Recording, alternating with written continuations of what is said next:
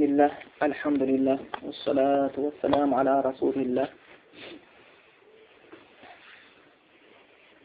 енді аллахтан жәрдем сұрап отырып сабағымызды ары қарай бастаймыз сіз сол екінші хадис дедік иә бұл хадис жәбраил хадисі деген атпен таңылып кеткен өйткені ол жерде пайғамбарымызға жәбірейіл періште адам кейпінде келіп сұрақтар қойған болатын ислам жайында иман жайында ихсан жайында және қияметтің кейбір белгілері жайында хабар етілген болады бұл хадисте бұл хадис өте маңызы зор жаңа ибн хаджар әл асқалани өз кітабында бүкіл ғалымдардың сабақтары ілімдері кітаптары осы хадистің төңірегінде болады деп айтып кеткен болатын біз алғашқы сабақтарымызда ә, пайғамбарымыздың ислам жайында хабар берші деп сұрақ қойған кезде оған жауап берген жауабын қарап өттік одан кейін иман жайында хабар берші деген кезде оған байланысты берген жауаптарын қарап өткен болатынбыз. Яғни аллаға иман келтіру періштелеріне иман келтіру кітаптарына иман келтіру елшілеріне ақырет күніне және тағдырдың жақсы жаманы аллахтан болатындығына иман келтіру жайында айтып кеткенбіз бүгін енді ары қарай сабағымызды жалғастырамыз. Өткендегі иман сабағына сәл ғана бір қосымша мәселелер. Енді аллахқа иман келтіруді біз түсіндірдік. Сол бір ғана аллах тағаланың құлшылыққа лайықты екенін мойындау періштелерге иман келтіруді айттық періштелердің саны бір ғана аллахқа мәлім аллахтың періштелерінің санын аллахтан басқа ешкім білмейді деп айтып кеткенбіз ә, енді ә, бұл періштелер мәселесінде ә, періштелерге қарсы шыққан адамдар бар ма еді жалпы ә, деген сұрақ болады иман келтірмей болмаса періштелерге бір қашқан ондайлар болған періштелеріне дұшпан тұтқандар яхуди халықтары олар періштені соның ішінде жәбірел періштені өзі дұшпан тұтатын өздерінде көптеген келеңсіздік көптеген қиындықты сол жәбірел періштеден көретін да сол ал яхудилер пайғамбар заманында сол періштеден жәбірел періштеден көретін сол алып келді аллахтан біз туралы жаман хабарды сол біздің сырларымызды ашып қойды деп жек көретін сол үшін құранда да бақара сүресінде келеді кімде кім жәбірел періштені өзіне дұшпан тұтқан болатын болса деп келетінде бар бұлар солар қарсы шыққан онда бір күпір есептелінеді ал кейінгі қауымдардың ішінен өздерін мұсылман есептеуші жүргендердің ішінде шектен шығып күпір сөз сөйлегендер болды. Олар шииттер. Шииттер де жәбірейіл періште қиянат жасады деген сөз таратқан. Олар айтады жәбірейіл періште не істеді дейді? Али пайғамбар болу керек еді. Алиге алып келетін пайғамбарлыққа шарасып мұхаммедке беріп қойды дейді осындай бір күйде келген. Ал ахли сүннада біз бәрі еш уақытта аллахқа күнә қылмайды. Аллахтың айтқанын істейді деп сенеміз оларда ешқандай күнә емес жоқ одан кейін кейбір халықта ә, періштеге байланысты ә, жаңағыдай қате ұғымдар таратады оларда бір пендешілік сипаттар бар деп ойлайды ол да қате нәрселер болып келеді періштеге иман келтіруге ол да нұқсан келтіреді мысалға алатын болсақ өзімізге келетін болатын болсақ не деп айтады періште алтын көрсе жолдан тайған деп қояды да сондай күйінде сөйтіп осы арқылы өздерінің дүниеге деген былай айтқанда құлшыныстарын дүниеге деген берілгендіктерін дүниеге деген махаббаттарын ақтап алғысы келеді енді бұны біз дұрыс мағынада айтты дейді десек халықтың қолданысында ондай мағынада қолданып жатқан жоқ дұрыс па періште алтын көрсе жолдан тайған дұрыс мағынада дейін дегеніміз періште деп бірінде біз адамды айтып жатырмыз солай тақуа адам еді құдайдан қорыққан адам еді дейтін болатын болсақ ол бәрі ол ол, мағынада түсініп адамдар аз. өйткені періште алтын көзі жолдан тайған деген кезде олар ойлайды кәдімгі аллахтың періштелері деп ойлайды. Періштелер олар ер кісі әйел кісі болып бөлінбейді. Олар дүние жинамайды. Оларға ондай нәрсе керек емес. Олар құлшылық үшін жаратылған. Құлшылық жаратылған. Сол үшін дүниеге үй алтын деген нәрсе қажет емес. Бұл да періштеге иман келтірдім деген адам үшін иманына нұқсан беріп қалатын сөздерден. Одан да бір сақ болуымыз керек.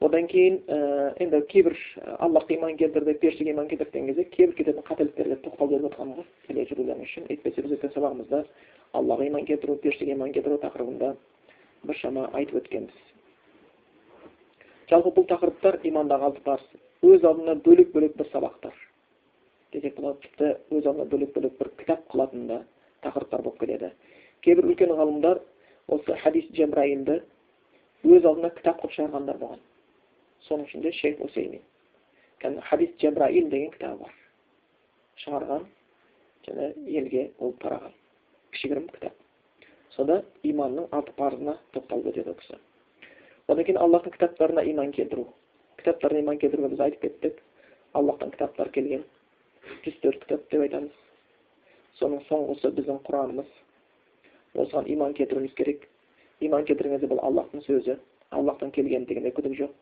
құранның ішінде күдік жоқ деп білуіміз керек құран аяттары адам баласына шипа тән ауруына да жан ауруына да шипа болып табылады және де одан мейірім берекет бар оған да сенуіміз керек одан кейін оның ішінде аллах тағала бір нәрсеге бұйырды бір нәрседен тыйды сол бұйырған нәрсесін шамамыз келгенше атқарып тыйылған нәрседен тыйылуымыз керек аллах алғаш құран түсірген кезде алғашқы бес аяты оқы жаратқан раббың атынан бастап оқы деген сол үшін құранды оқу керек. Құр оқу жеткіліксіз оны аят мағына түсінуге тырысу керек. Сол үшін алла тағала құранда не деп айтады? Біз кітап бергендер оны ақиқи оқуменен оқиды деп айтты сипаттағанда. Ақиқи оқумен оқиды дегені ол не?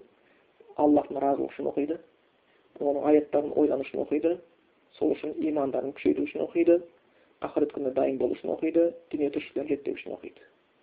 Аллахтың разылығы үшін аллахтың енді бұл кітапқа байланысты ә, иманда кейбір тұстарының кеткен бір олқылықтарға тоқталып өтсек болады. Құранды енді өздеріңіз жақсы байқайтын шығарсыздар. Тірілерден гөрі өлгендерге көп пайдаланатын болып кеткен. Бұл үлкен бір келеңсіздік болып кейбір ғалымдар өлгенге құран оқуды бидағат деп айтқандар болған.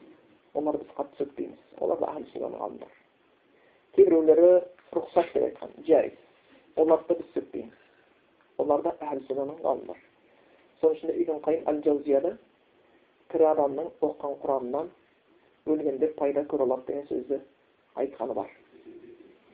Бірақ мәселе ол құраннан тікелей аят жоқ өлгендерге оқуға деген пайғамбарымыз тікелей хадис жоқ өлгендерге барып оқыңдар деген бұл құранды құран тірілерге түскен болатын құранды оқыған адам да соны байқайды пайғамбарымыздың хадисін оқыған адам да соны байқайды сираны оқыған адам да соны байқайды құран аяттар түсіп отырды сол арқылы сахабалар бір нәрсені білді бір нәрсені тастады бір нәрсені жабысты орындады соларға түскен яғни құран бірінші тірілерге түскен негізгі осы мақсатын естен шығармауымыз керек ал енді өлгендерге құран оқу мәселесінде рұқсат берген ғалымдар қияспен рұқсат берген. Түсіндіңіздер ғой?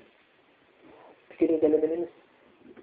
Қияспен қиясты жоққа шығарудан адам күнәһар болмайды. Орындап жатқан болмаса бірден ғалымдардың сөзін былай айтқанда өзіне тиек қылыпты деп айтамыз. Олардың жасаған қиястары пайғамбар жеткен хадис бойынша сахи хадистер бар. Өлген адам тірі адамның садақасынан пайда көре алады. Өлген адам тірі адамның дұғасынан пайда көре алады. Өлген адамдар тірі адамның айтқанда жасаған қажылығынан пайда көре алады деген қасиеттерге сүйеніп онда неге өлген адам тірі адам оқыған құраннан пайда көрмесін деген сияқты қиястар болмаса пайғамбар мұхаммед мұстафа саллаллаху алейхи вассалам бір қабірдің қасынан өтіп бара жатқан кезде екі қабірдің қасынан өтіп бара жатқан кезде пайғамбарымыз тоқтап қалады сахабалар ұзақ қарайды сахабалар оны білмейді кейін сұраған кезде бұл қабірде екі адам жатыр екен екеуі азап көріп жатыр біреу олардың азап көру себептері біреусі деп келеді біреусі намима өсек айтушы еді көп үшін қабірде азап көріп атайды біреусі сақтанбайтын еді дейді сібірінен сақтанбайтын еді дейді бұл жерде өсек айтудың қабірде азап беретіндігіне дәлел одан кейін өсектен сақтанбауда қабірде азап береді дейді яғни мұсылманшылықта дәрет сындырған болатын болса толық зәрінің тоқтағанын көз жеткізбейінше шалбарын киіп алмайды дұрыс па шалбарын киіп алмайды ол деген сөз киіміне зәр тамбайды деген сөз ал егер киіміне зәрін тамып жүре беретін болса қабірде азап болуға себепкер екен бұл бір кейбір ғалымдар және түсіндірме береді оған яғни дәрет түсіндіру барысында әуретін елден жасырмайды деген мағына бар дейді ол да қабірден азапқа себепкер деген сияқты енді біздің тілмен айтсақ жалаңаш общепанияға түскен деген сияқты соның ішіне кіріп кете береді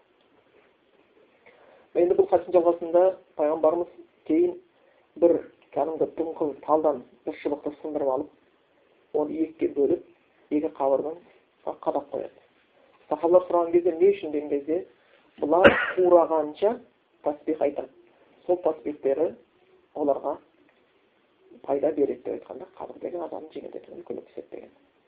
Осы хадиске сүйеніп егер талдың бұтағының тасбихы өлгенге пайда беретін болса неге аллахтың сөзі құран пайда бермесін деген сұрақты көтергендер бар осы қияс қылған бірақ ол қиясқа жауап бергендер де болған қабылдамағандар да болған өйткені оны пайғамбар істеді пайғамбардан кейін ешкім істеген жоқ екінші сенде дәлел жоқ қазірдегі адам азап көріп жатқан азап көрмегендігіне байланысты деген сияқты ол пайғамбар мұғжизасында болған нәрсе оны сахабалар қайталаған жоқ біз де қайталамаймыз деген сөз айтқандар болған жалпы бұл айтайын дегеніміз не нәрсе кітапқа иман келтіру мәселесінде біз біреудің өлгенге құран оқығанын бір сөгейін деп айыптайын деп айтайын отқан жоқпыз бірақ халыққа құранның не үшін түскендігін жеткізу керектігін мәселесін біз тоқталып түсіндір ғой құран не үшін түсті? Сол үшін қолдануда. Құран халықты насихаттау үшін түсті. Аллах айтқан құранмен аллахтан қорқ аллахтың ескертуінен қорыққандар ескерт деген насихатта деген. Естеріне сал деген. Сол үшін құранмен насихаттау керек. Онда түскен аяттарды одан аллах құранда айтқан китабун анзалнаху илайка мубаракун лиядаббару аятихи біз саған түсірген кітап яғни пайғамбарға түсірген кітап қандай мубаракун берекетті жақсы көп берекеті үшін оқу ғой ол құран керек ойлану керек арif ойлану керек құранға иман келтіру үшін және осы нәрсе міне осы тұсы болмай тұр елде осыған елді көбірек шақыру керек олар алданып қалмасын бір түс көргенде іс келгенде молданы шақырып құран оқытсаң бүкіл бәлекеттен құтылып деп ойлап қалмасын онда бұл христиан дініне ұқсастық болып қалады христиан дінінде дін егелері шіркеуде отырады адамдар келіп оған өздерінің күнәсін айтады жәшік садақасын тастайды сосын олар құдай сенің күнәңді кешірсін деп қояды сонымен күнәні кешеді деп кете береді өздері ешқандай амал жасамайды егер бізде тура сол күйінде болатын болса ол жақсы емес одан кейін және пайғамбарымыздың хадисте бар пайғамбар мұхаммед саллаллаху сахабалардың мешітте құран оқып жатқанын көріп оларға жақсы сөздер айтып кейін былай айтқан аллахтың кітабы құранды оқыңдар да аллахтың разылығын іздеңдер дейді кейін бір қауым келеді олар құранды оқиды онымен дүние іздейтін болады дейді ата мәртебе омар разиаллаху айтқан біздің заманымызда біреу құран арқылы дүние атақ іздейді десе ешкім сенбес еді дейді ешкім сенбес еді өйткені ол кезде құран таза адамды батқанда дінін ұстау үшін керекті болған еді. Қазіргі кезде біз енді көреміз кейбіреулер садақа жинаушылар құранды тілге тиек етеді. Садақа үшін құран оқуды міндет емес міндет емес сондықтан құран аллахтың разылығы үшін оқылу керек және оның ең басты мақсаты мағынасын түсінуге тырысуымыз керек халалын халал харамын харам деп білуіміз керек сол мақсатта болып табылады екен сонда бұл құранға байланысты иман келтіру не аллахтан келгендігіне күдігіміз жоқ оның ішінде ешқандай күдік жоқ сол құранның ішінде аллах тағала бір нәрсеге бізді бұйырды соны біліп істеуіміз керек сол құранның ішінде алла тағала бір нәрседен тыйды соны біліп қайтуымыз керек білмедім деген сөздерден құтқармайды түсіндіңдер ғой құран түскеннен кейін мен білмей қалыппын деп айта алмайсың сен құраннан аллахтан құран түскенін білесің және халықтың басым көпшілігі бір қуанатын жері бар қайғыратын жері бар қуанатын жері қарапайым халық өзін мұсылман есептеп жүрген халық олар аллахтың кітабы құранды қасиетті деп есептейді мұбаракун берекетті ода жақсылық бар деп есептейді дұрыс па оны өздеріңіз бәріміз көріп жүрміз сосын құран оқып берші деп айтуы мүмкін құран оқыған жерден бір жақсылық күтуі мүмкін шайтан қашады періште келеді деген ұғымдар бар бұлар жақсы бір ұғымдар бір жақсылық келеді деген ұғымдар бар сол жол жаңағы жоғарыда түскен аяттың олар бірінші бөлігін орындайды да қандай бөлігі китабун біз саған түсірген кітап мубаракун берекетті деген жерін халық қабылдаған бірақ аяттың екінші бөлігін қабылдамаған неге оны аяттан ойлану үшін дейді зер салу үшін бұл жоқ осы бөлігін елге үйрету керек болады сосын пайғамбарымыз келеді сендердің жақсылан құранды үйренгендерің және үйреткендерің дейді әрбір мен мұсылманмын деген кісіге құранды үйрену және үйрету өте қажет халыққа жеткізу сұрақ қою құран не үшін түсті саған қатысы бар білесің ба деген сияқты бірақ көпшілік адамдарды көреміз құран оқыған жоқ білген жоқ көп нәрседен хабар жоқ сондықтан білмеген құран менің кітабым мен мұсылманмын менің дінім ислам менің кітабым құран менің пайғамбарым мұхаммед деген сөзді ауыз толтырып айтқанына қатты қуанып қаламыз ал сен егер дінің ислам болатын болса исламнан не білесің деген кезде ештеңе айта алмай қалған кезде болмаса исламға қарама қайшы тірлікті айтқан кезде сенің кітабың құран дегенде құраннан бір аят келтірші деген кезде бір аят келтіре алмай қалған кезде пайғамбарың мұхаммед дегенде пайғамбардың шарапатты хадисінен бір хадис айтшы дегенде ештеңе айтпай қалған кезде қынжыламыз бұл өкінішті бұл өкінішті бірақ сөйтіп тұрып кей кезде сол адамдардың өзінің ақырет үшін тіпті дүние үшін қатысы жоқ мәселелерді қатты біліп алғанын көріп қайран қаласың дұрыс па кейбіреулер футболистердің аттарын жаттап алған кейбіреулер саясаткерлердің аттарын жаттап алған бір пайдасы жоқ яғни әркім өзіне бір керекті нәрсемен қатты шұғылданған соны біліп отырады өзіне мәртебе түсінеді мана күйде сол үшін бұл құранға иман келтірудің мақсатының бір өзі оның үшін ұмытуымыз керек ертең құдайдың алдына барған кезде өзіміздің жазылған біз қазір қандай бір істесек те оң жағымызда сол жағымызда періштелер жүріп жақсы ісімізді жаман ісімізді жазып жатыр иә сөзімізді жазып жатыр ертең оқуымыз керек бұл алла тағала оқы кітабыңды амалдап жүрің дейді бүгін сенің есеп беретін күнің туды дейді сол ертең кітап оқыған кезімізде амалдап дәптеріміз оқыған кезде қуанамыз десек онда бұл дүниеде аллахтың кітабын құранды оқуымыз керек. Аллахтың кітабын құранды оқуымыз керек. Сол үшін ол құранның ішіндегі ілімдерден хабар болмағаннан кейін көп адамдар қарама қайшы тірлік істеп жүргенін көреміз. Дұрыс па? Молда үйіне келіп әкесі түсіне кіріп құран оқып береді. Құранда фатиха сүресін оқуы мүмкін. Ықылас сүресін үш қайталауы мүмкін. Жиі кездесетін оқиғаны айтайық. Фатиха сүресінде бір ғана алла саған сыйынамын бір ғана алла сенен жәрдем сұрайын деген аят оқылады бірақ ол адам әулиеге сыйынған әруақтан жәрдем сұраған палшыға адам болуы мүмкін не пайда береді оған не пайда береді болмаса құл ху аллаху ахад алла жалғыз аллаху самат аллах ешнәрсеге мұқтаж емес дейді бірақ ол аққу ақсұңқарлар соны еріп әулие құдай емес құдайдан былай емес алла ондасын әруақ қолдасын деген сияқты құран аяттарға қарама қайшы тіпті сол аққу ақсұңқар болып жүргендердің өздері осы фатиха сүресін ықылас сүресін жаттап алады бірақ мағынасын білмеген үшін қарама қайшы тірлік істеп жүр өте қарама қайшы тірлік істеп жүр сол үшін құранды құр кітабым жеткіліксіз мен мұсылман кітабым құраным жеткіліксіз оны оқу керек оны түсінуге тырысуымыз керек екен аллахтың елшілеріне иман келтіру біз өткен сабақта айтып кеткенбіз аллахтың елшілерінің айтқан сөздерін растауымыз керек неден тыйған болса тыйылуымыз керек неге бұйырған болса соны орындауымыз керек және аллахқа сол елшілер көрсеткендей құлшылық жасауымыз керек болады. Ақырет күніне байланысты иманды айтып кеттік. Ақырет жалпы өлімменен басталып кете береді. Бүгінгі айтатын сабағымыз оған да қатысты болады.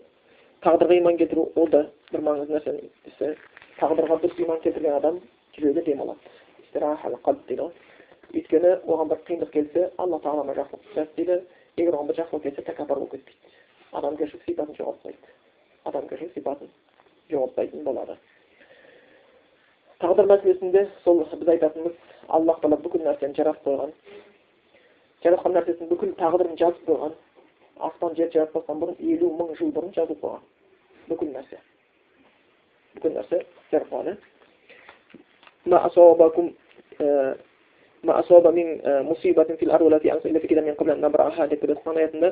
сендерге қандай бір қиыншылық жетпесін жерде болмаса өздеріңде дейді.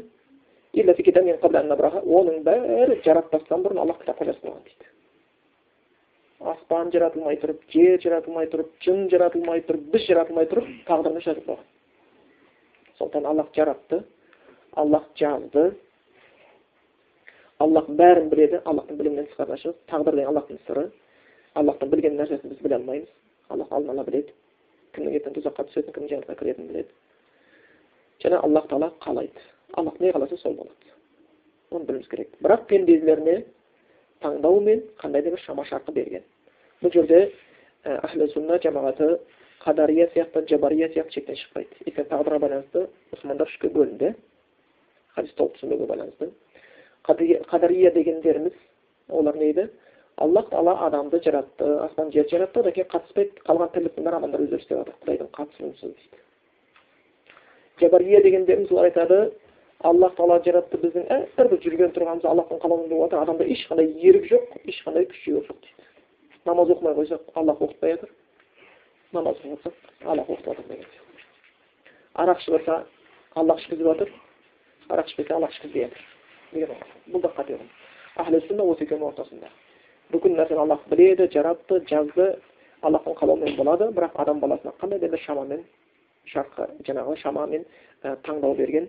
соған қарап аллах тағала ертең пенделерден сұрақ алады сол үшін шариғатта ақылы жоқ жынды адамнан қиямет күні сұрақ болмайды өйткені таңдау жоқ білмейді кішкентай балалардан сұрақ болмайды өйткені олар таңдау жоқ сол үшін бізде еркіміз болғандықтан бізге таңдау бар одан кейін ә, жаңағы ә, бүгінгі өтетін сұрағымыз енді осы сұрақтардан кейін жәбірел періште пайғамбарға және бір сұрақ қояды. Ихсан. Жайында бізге хабарла ихсан жайында маған хабарлап берші дейді. Ихсан бұл енді аударсақ сөзбе сөз бір жақсылық деген мағына береді. Болмаса итқаны шей. Бір нәрсені орындаған кезде кәміл толық өз дәрежесінде орындауды айтады. Бір істі істесең тиянақтылық істеген істегі тиянақтылықты білдіреді екен сол жайында хабарлас деген кезде пайғамбарымыз саллаллаху алейхи вассалам оған жауап береді аллах тағалаға сен оны көріп тұрғандай құлшылық жасауың бір ақ рүкін болады ол рүкін екі бөлімнен тұрады бірінші бөлімі не ол аллахты көріп тұрғандай құлшылық істеу егер аллахты көріп тұрғандай құлшылық істей алмасаң аллахтың сені көріп тұрған есіне шығармау бұл екінші бөлімі екеуі де жоғарғы дәреже иман исламнан жоғары ихсан иманнан жоғары түсіндіңіздер ғой ихсан дәрежесі осы күйінде болады екен енді әрбір амалды өз дәрежесіне орындаған қай кезде біздің істеген амалымыз ихсан дәрежесіне жетеді қай кезде? Бірінші аллахтың разылығы үшін істесек құлшылық істедік рия үшін емес мақтану үшін емес басқа үшін емес ілім алдық шейх деген атты есту үшін емес құран жаттадық қареке деген атты есту үшін емес аллахтың разылығы үшін жаттадық садақа бердік жомарт деген атты есту үшін емес аллах жолында күрестік батыр деген атты есту үшін емес бұның бәрі аллах үшін керек түсіндіңіздер ғой екіншісі ихсан дәрежесіне жету үшін істеп жатқан құлшылығымыз аллахтың алдындағы не нәрсе қандай болу керек сәйкес болу керек бұны мұтаба дейді біріншіден ихлас дейді ихлас арабтың сөзі қазақта кей кезде бұл сөзді қолданады а бұл кісілердің ниеті қалды екен деп қояды осы ихлас сөзінен шыққан яғни ниеттері таза екен қоспасы жоқ деген сөз яғни сен аллах үшін істеген кезде сол ниетіңде ешқандай қоспа болмау керек аллах үшін істеп жатырмын және адамдарды бір мақтаса екен білсе екен ол дұрыс болмайды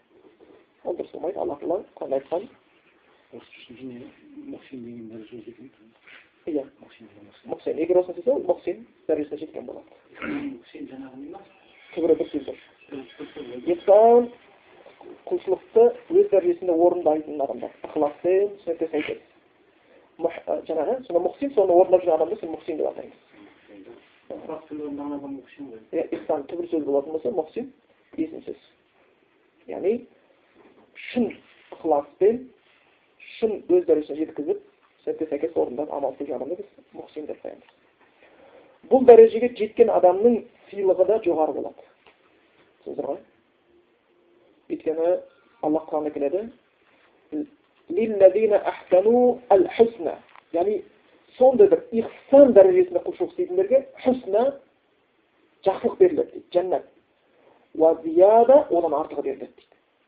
Одан артығы деген сөзді біздің пайғамбар мұхаммед мұстафа не деп тәпсірлеген аллахты көреді дейді түсіндіңіздер ғой неге ондай сыйлық болды өйткені ол құлшылықты аллахты көріп тұрғандай істеді да сыйлығы сондай болады түсіндіңіздер ғой әрбірісінде аллахты көріп тұрғандай құлшылық істеп жатыр болмаса аллах мені көріп тұрған көріп тұр ғой деген нәрседе құлшылық істеп жүрген адам болатын болса ертең оның сыйлығы аллахты көру болады осы екеуі екеуі екі түрлі болады ма дәрежесі көріп сыймаса жаңағы екіншісі ғой дәрежесі анау біріншісі жоғары.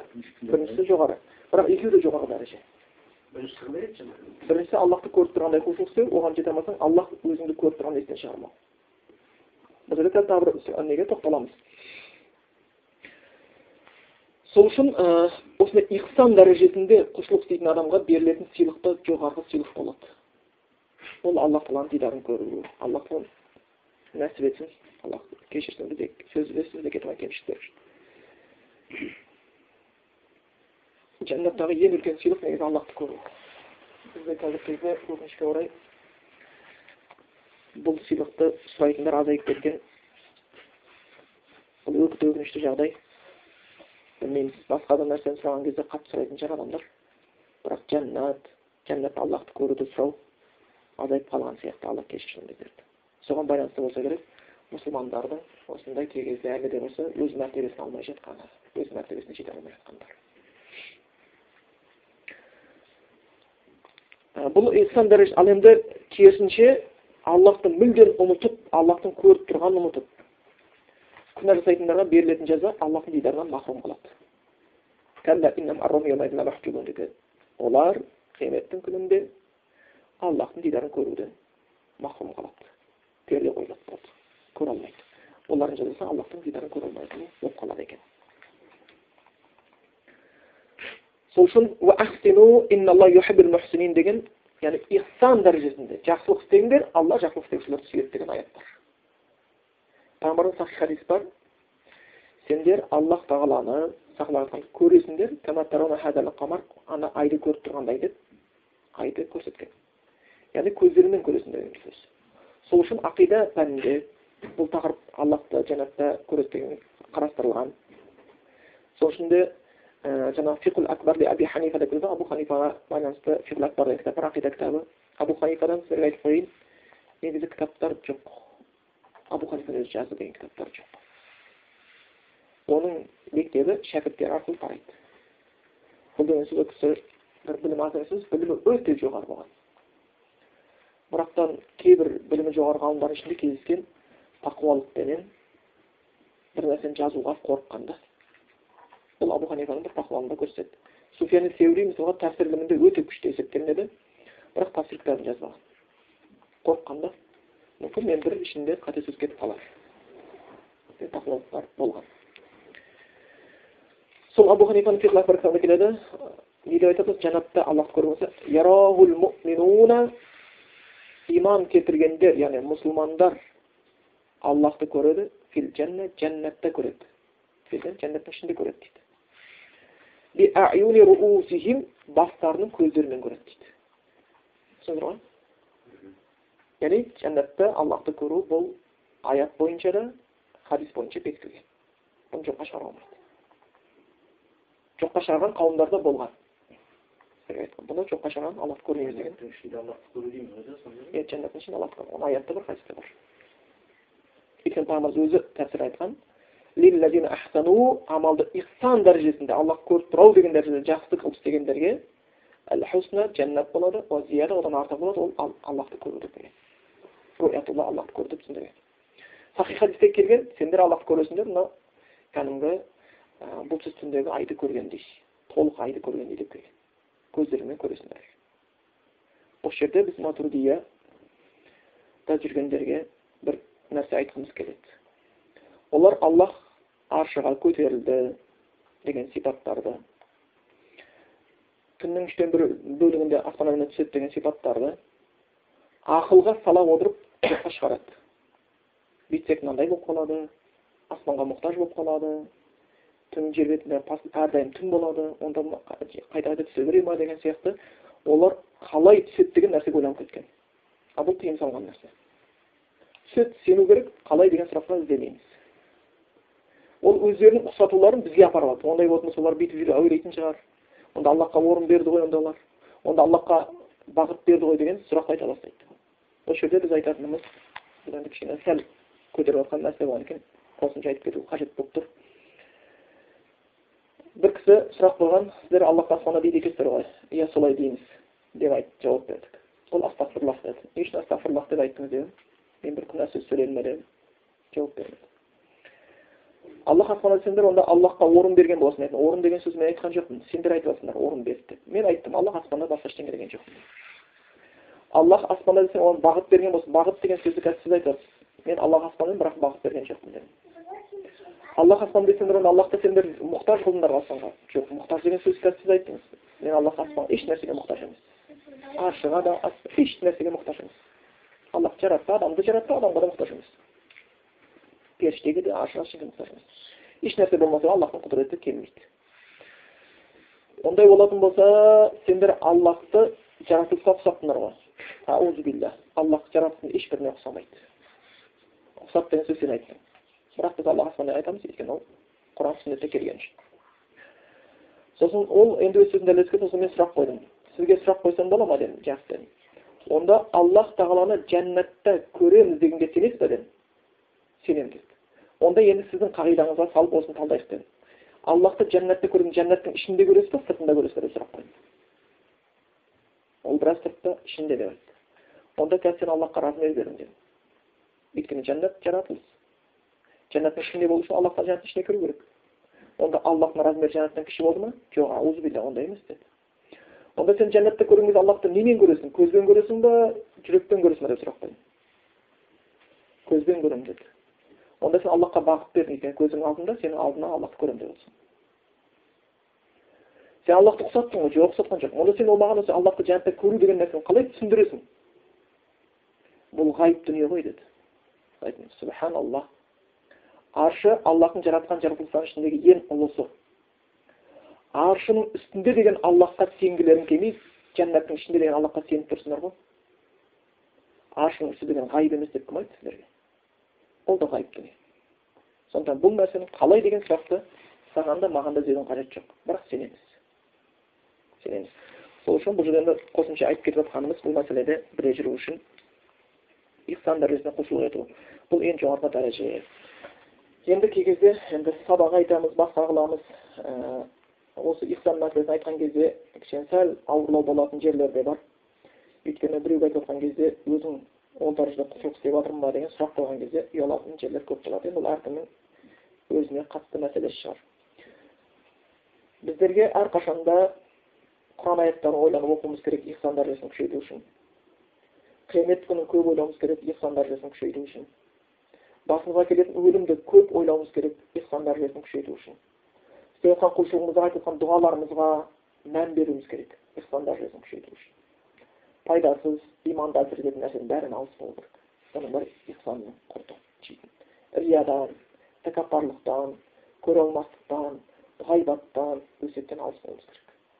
Олардың бәрі ихсан дәрежесін жейді айтады бір рет жасаған күнәм үшін тахаджуд намазының ләззатынан ажырап қалдым дейді ләззат деп жатыр тахаджуд намазын қабай қалдым емес ләззатынан өйткені әрбір ғибадаттан ләззат бар хадистерде зақа таъмал иман иманның дәмін татты уажада халауатал иман иманның тәттілігін көрді деп келетін хадистер бар яғни иманның құлшылықтың өзінің тәттілігі бар дәмі бар түсіндіңіздер ғой оны әрбір мұсылман білу керек үшін ибраһим адхам өзінің шәкірттеріменен судың жағасында қатқан нанды суға езіп жеп отырып құлшылықтан ғибадаттан тапқан ләззатын шәкіртіне айтып отыр не айтқан шіркін ай біздегі рахатты патшалар мен патшалардың балалары білетін болса еді соны тартып алу үшін бізге қылыштарын қолдарын алып соғыс ашып жіберетін еді дегенде өйткені мұсылман адам иманы көтерілген кезде бақытты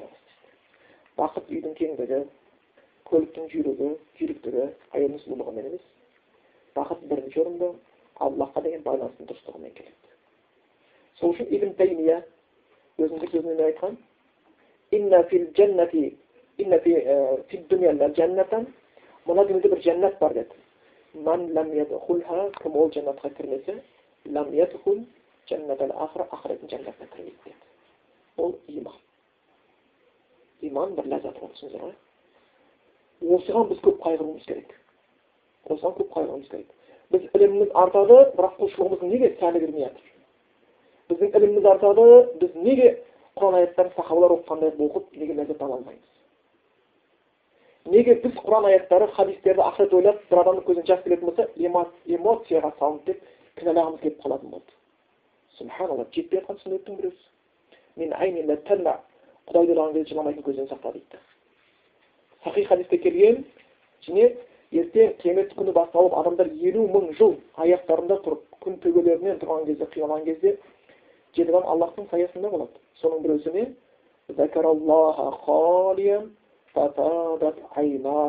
Аллахты жаңылып қалып ойлаған кезде көздері жасқа толған адам дейді. Қайда бұл құлшылық? Қайда бұл сүннет? Пайғамбарымыздың қанша жерден ақырет туралы айтқан кезде көзіне жас келгенін білеміз. Сахабалардың ақырет туралы ойлаған кезде құран кезде көздері жас келгенін қанша білеміз омар разиаллаху анху көзінің алдында еріксіз қалып кеткен көп жылағандығынан абу бәкір сыдық пайғамбарымыз қайтыс болған кезде қызы айша анамыз пайғамбарға орныңызға әкемді қоймаңызшы деп айтқан өйткені ол имам болатын болса оның құранның даусынан гөрі жылағанын ғана естіп әуре болады деген құран оқыса ол жылай беретін адам болған әшейін де батыр адам өте батыр адам Bırak Allah'ın ayarının altında batılık yoktur. Mümkün edilsin. Sultan, eğer sahabalarını öldürgen bir üzümler alıp edersin olsa, Peygamber Muhammed Mustafa sallallahu aleyhi ve sellem kezinde Bakara suresinin ayet içeri. Lillahi ma fis semavati ve ma fil ard. Asmandağı, cerdeki bütün nerse Allah'tıkı. İyisi Allah tala. وَاِنْ تُبُدُوا مَا فِي أَنْفُسِكُمْ اَوْ تُخْفُوهُ يُحَاسِبُكُمْ بِهِ اللّٰهِ ayet. Bunu okan şarımız bize. Кеткен шығармыз он рет оқыған шығармыз. Бірақ осы аят алғаш түскен кезде сахабалардың бәрі жылады дейді. Пайғамбарымыз үйіне кетті дейді. Зерлеп отырып жылады дейді. Не болды біздің халіміз? Не болады? Өйткені аллах не деп айтқан құранда? Жүректерінде жатқан нәрселеріңді көкіректеріңде кеудеде жатқан нәрсені. Сендер жария қылыңдар жасырын қылыңдар көкіректе туған ойларың үшін аллах сендерден есеп алады деген аят түседі. Осы аят кезде сахабалар жылап жіберді пайғамбарға келіп айтты аллах бізге намаз оқы дейді оқуға дайынбыз жихад қыл десе жихад қылуға дайынбыз садақа бер десе садақа беруге дайынбыз бірақ көкірегімізде туған ойлар үшін есеп аламыз дейді біздің қолымыздан келмей жатыр не болады біздің жағдайымыз біз құрдық қой не бір ойлар келеді деп олар жылап отырып тізерлеп құлаған болады міне олар қандай дәрежеде аятты түсінеді пайғамбар да қатты қиналды. Өйткені бұл аяттан аллахтан еді пайғамбар айтты айтыңдар бәрібір. Шамам келмейді деп айтпаңдар аллах естідік бойсынамыз дей беріңдерші естідік бойсынамыз деп айта беріңдерші деді. Олар пайғамбардан аллах естідік бойсынамыз деп көздері жасқа толып көп жылағандардың буындарына әл кетіп әлсіреп үйлеріне қайтты. Артынша қуантатын аят түсті. Бақара сүресінің соңғы аяты қателесіп ұмытып істеген үшін аллах тағала жазаламайды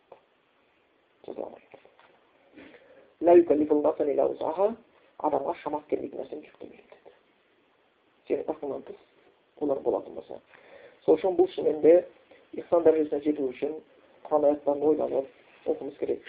Осы мыналарда айтылған исламдағы бір рүкін осының шын ләззатын табуға үшін жоғарыдағы исламдағы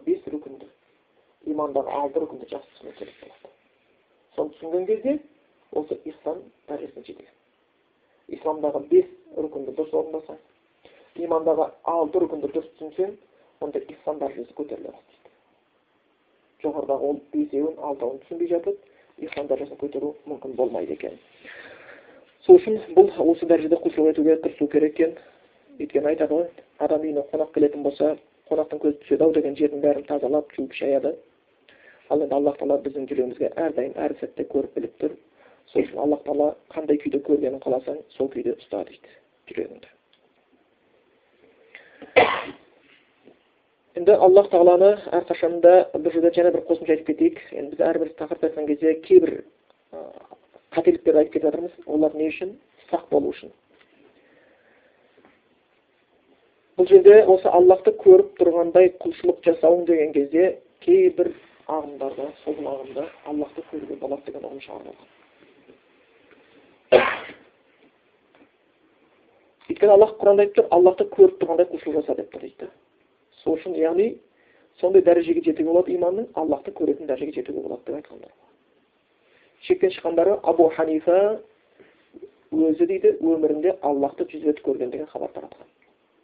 Оларда сол кітаптарында осы нәрсе бар. Іштей шектен шығып дәріптеуде бұл жай сөз. Бұл дүниеде адам баласы аллахты көре алмайды.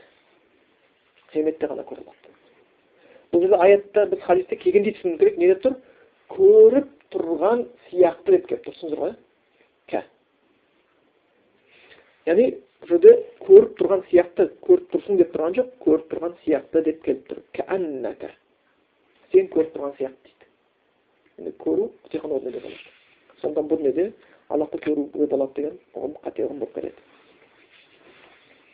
сондықтан бұл үлкен бір рүкіннің біреусі шынымен адам баласы кей кезде ұзла деп қояды ғой бір оңашаланып өз өзіне есеп алып не істеп жатырмын осымен не сөйлеп жатырмын осымен құлшылығым қандай болып жатыр екен деген ойларға түскен жоқсыз өзінің құлшылығына есеп беріп айтып жүрген дұғаларына есеп беріп істеп жүрген ісіне есеп беріп ажалдар рия болып кеткен жоқ па қоғамдық пікірді аллахтың дінінен жоғары қойып кеткен кезім жоқ па екен деген нәрсені сақ болу керек өйткені күпірліктің басым көпшілігі басым көпшілігі жүрген ортаңда қоғамдық пікірден қорқу. Көп адам осы үшін келген құранда да солай хадисте осы жөнінде хабар бар. Өмірде соны көреміз. Мен қазір толық мұсылманшылықты ұстайтын болсам бес уақыт намаз оқып кетсем ел мен туралы ертең не айтады деген сөзден қорқады да дінге қадам баспайтын адамдар болады. Бірақ бәрібір жазадан құтылмайды. Өйткені аллахтан қорқу аллахтан ұялу адамнан қорқу адамнан ұялудан жоғары болмайынша иманның ләззатын ешкім көре алмайды иман деген сол иман деген сол аллахты ұлық тұту аллахты тағзим дейді ғой ұлықтығын білу. Сонда сенде иман келген болады. Егер сен аллах тағаладан деген ұялуың аллахтан деген қорқуың көршіңнен болған ұялудан көршіңнен болған қорқудан жоғары болмаса бастығынан болған ұялу қорқудан жоғары болмаса маңайындағы достарынан болған қорқу ұялудан жоғары болмайтын болатын болса қандай қорқу? Аллахты қандай төмен дәрежеге қойып қойдың сен? Сен өзіңді алдай алмайсың. Аллахтан ондай төмен дәреже қоюға болмайды. Аллах ұлы аллах бізге мұқтаж емес. Сол үшін аллахтан қорқу аллахтан ұялу жоғары болуға тиісті әрқашанда. Сол үшін ықылас деген нәрсе бір құлшылық істеген кезде намаз уақыты келіп қалды.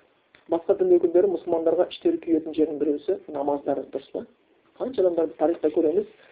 Намаз оқыған мұсылманды көрген кезде ішім күйеді деген көп дін өкілдері болған өздеріңіз де өмірде көп байқайтын шығарсыздар араларыңызда жол жүрген адамдар бар болатын болса. Трассаның бойына кетіп бара машинасын тоқтатып қойып жай намазын төсей салып намаз оқыған адамды кездестіреміз ба кездестіреміз. Вокзалға барсаң намаз оқып жатқан адамды көреміз ба көреміз. Пойыздың ішінде намаз оқыған адамды көреміз ба көреміз.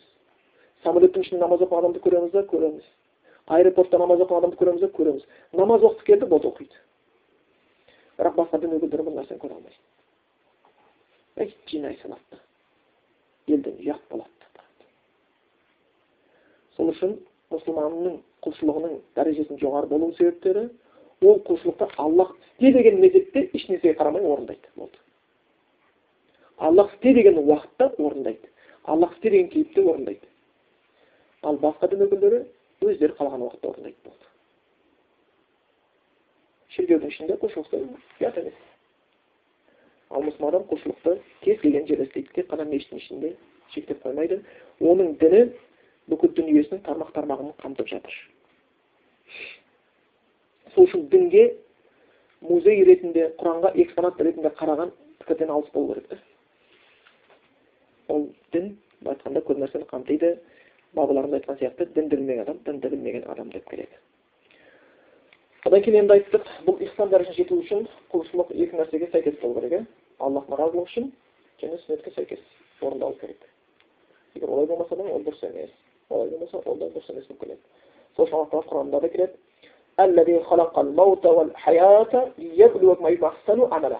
аллах өлімді жаратты өмір жаратты сендер қайсыларың амалды ихсан дәрежесінде істейді деп осыған енді көркем түрде істейді. Хасан деп жатқан жоқ ахсан өте көркем қылып істейді және қандай қылып істейді аллах көріп аллахты көріп тұрғандай болмаса аллах өзін көріп тұр ау деген нәрсені естен шығармай істейді. Осы екі нанымнан төмен болып кететін болса құлшылықта құн жоқ. Түсіндіңдер ғой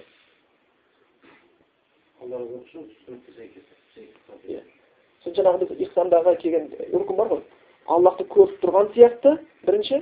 Оған дәреже жете алмаса аллах мені көріп тұр деген дәреже. Үшіншіге түсіп кетсең уже құлшылығыңнан құн жоқ. Түсіндіңдер ғой онда ол құлшылық емес ол физкультура болады. Аллах жасап жатқан жоқ сол үшін ғибадат әдетке айналып кетпеу үшін ықылас пен сүннетке сәйкестікті ықыласты күшейту үшін аллахты жиі ойлау керек. Сүннетке сәйкес болу үшін ілім алуды доғарттау керек. Осы екі нәрсе адамға өте қатты қажет. Енді ә, хадисіміздің ары қарай жалғасында бұл ихсан жайында кішігірім тоқталып өткеніміз алла тағала біздерді кешірсін әйтеуір ихсан дәрежесінде құлшылық орындауымызды нәсіп етсін. Сахабалардың да біз әдеттерін білетін едік. Деген аят бар ғой. Олар істейтін нәрсесін істейді да жүректеріне қорқыныш болады дейді. Айша анамыз пайғамбарымыздан сұраған кезде олар сонда не зина жасап қойып болмаса арақ ішіп қойып құдайдан қорқа ма дегенде пайғамбарымыз жоқ дейді. Олар құлшылық істейді да сол құлшылығымды құдай қабылдаудан қала ма деп қорқады дейді. Өйткені шынымен де ыңғайсыз. Жай адам қалайықшы. Қазір сен тамақты істесең тамағың тұз жоқ болып жаман болып кісілер жемей қойса сен көңілің не болады? Әбір жейді дұрыс па тамақ істегеннен кейін кісілер қалай болады екен? Қалай жейді екен? деп тамақ істеген адам ойланады. Жай өмірі мысалы.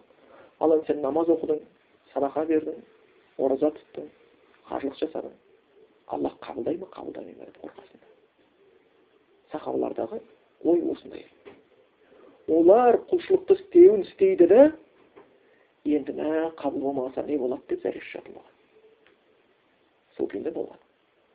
Сол үшін кәдімгідей құлшылық істеген кезде оны ихсан дәрежесінде істеуге тырысу керек екен. Аллах қабылдаса екен деп. Үмітті қатты үзіп кетуге де болмайды. Келесі ә, ары қарай жалғасады. Жәбірел періште. Енді адам кейпінде келіп пайғамбардан және бір сұрақ қояды. Бұл соңғы сұрақ. Ол сұрақта айтады қиямет күні жайында хабарлашы дейді қияметтің көп атаулары бар соның бір атауы саа сағат сол бір сәт. Қиямет басталатын сәт. Қиямет күні қашан болатынын хабарлашы дейді. Бұл сұрақ қойған кезде пайғамбар айтып береді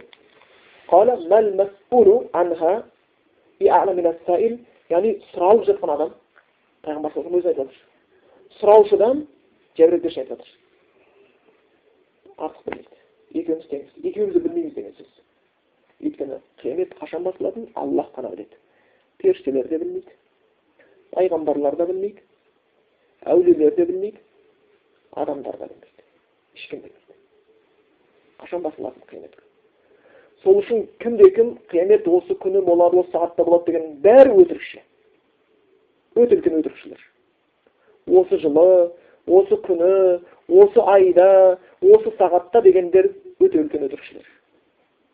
Өйткені қиямет қашан болатынын аллах қана біледі. Пайғамбарлар да білмейді. Оны мұса пайғамбар да білмейді. Оны иса пайғамбар да білмейді. Оны біздің пайғамбарымыз мұхаммед саллаллаху алейhi да білген жоқ. Мына хадисте хадисте мен білмеймін дейді. Сен білмегенің сияқты дейді оны ибраһим пайғамбар да білген жоқ нұх пайғамбар да білген жоқ оны бір ғана аллах қабылдады бірақ осы сұрақтан дұрыс жауабын алғаннан кейін жәбірел періште қиямет күні қашан болады деген сұрақтың дұрыс жауабы білмеймін алла дейді бірақ болады ол болмайды деген сөзіміз түсіндір ғой сұрақты келесі жағынан қояды қандай сұрақ қояды онда белгілерін айтшы яғни қияметтің жақындап қалған белгілерін көрсететін белгілер бар екен онда осы жағын айтуды сұрайды бұл белгілер бар ол қияметтің қашан болатынын біз білмейміз бірақ белгілері бар жақындап қалғанын көрсетеді оның көптеген белгілері бар бұл жерде ол белгілерден бір екі белгісі айтылып кетеді белгілерін сұрағанда бірінші айтқаны күн әйел күн білесіздер иә қазақтарда құлдықта жүрген еркек адам болатын болса оны құл дейді құлдықта жүрген әйел адам болатын болса оны күн дейді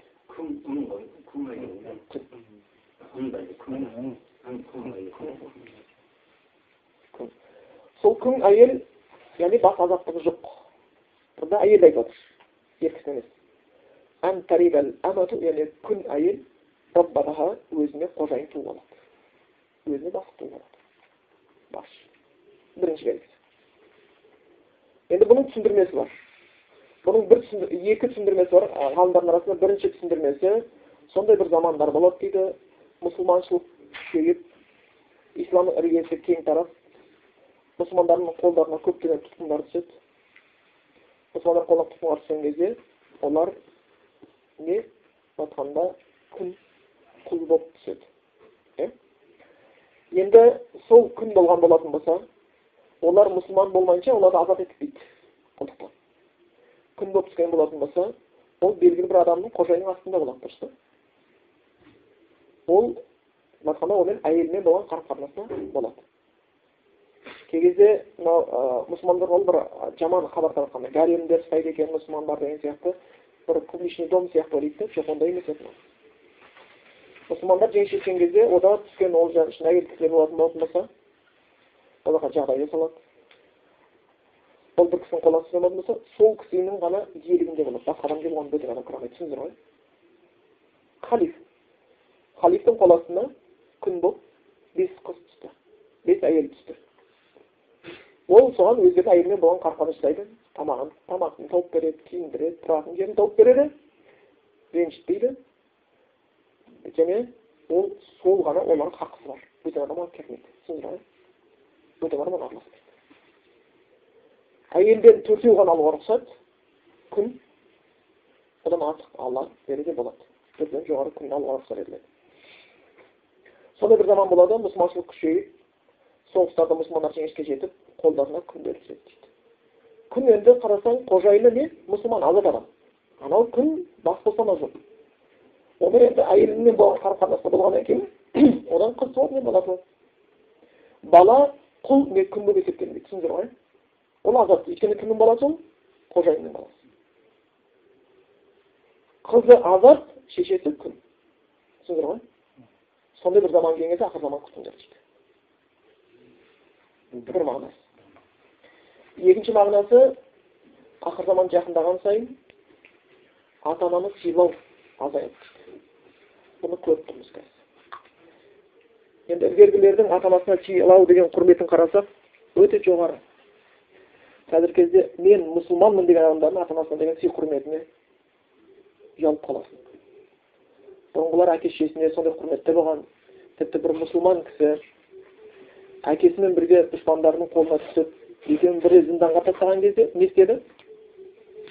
Екеуін бірі зынданға тастаған кезде салқын жер намаз уақыты келді дәрет алу керек ол кезде тас тұмандар сонда жаңағы жылытатын су жылытатын нәрсе жоқ. Баласы ертерек әкесінен ертерек тұрып әкесіне жылы дайындау үшін құманға су құйып соны құшақтап отырып жылы дайындап береді маған да. Кеудесімен жылытып шешелеріне деген сыйлау исламда білесіздер? Әкең мен шешең отырып қатар сөйлейтін болса бірінші шешеңе жауап бер дейді. Шешеңе жауап бер шешеңе деп үш рет кір одан кейін әкеңе жауап бер дейді. Олардың құрметі. Кейбір сәләфтардың әдетінен біз нені көреміз? Әке шешесімен бірге тамақ жеген кезде әкесінен шешесінен бірінші болып тамаққа қол салмайды маған. Бірінші болып қол салатын салмайды маған. Кейбіреулері егер үйлері екі этаж екі қабат болатын болатын болса әке шешесін жоғары тұрғызғанды дұрыс көретін астында әке шешесі болып үстінде тұрғанға ұялатын. Кейбіреулері әкесі мен шешесі төсек салған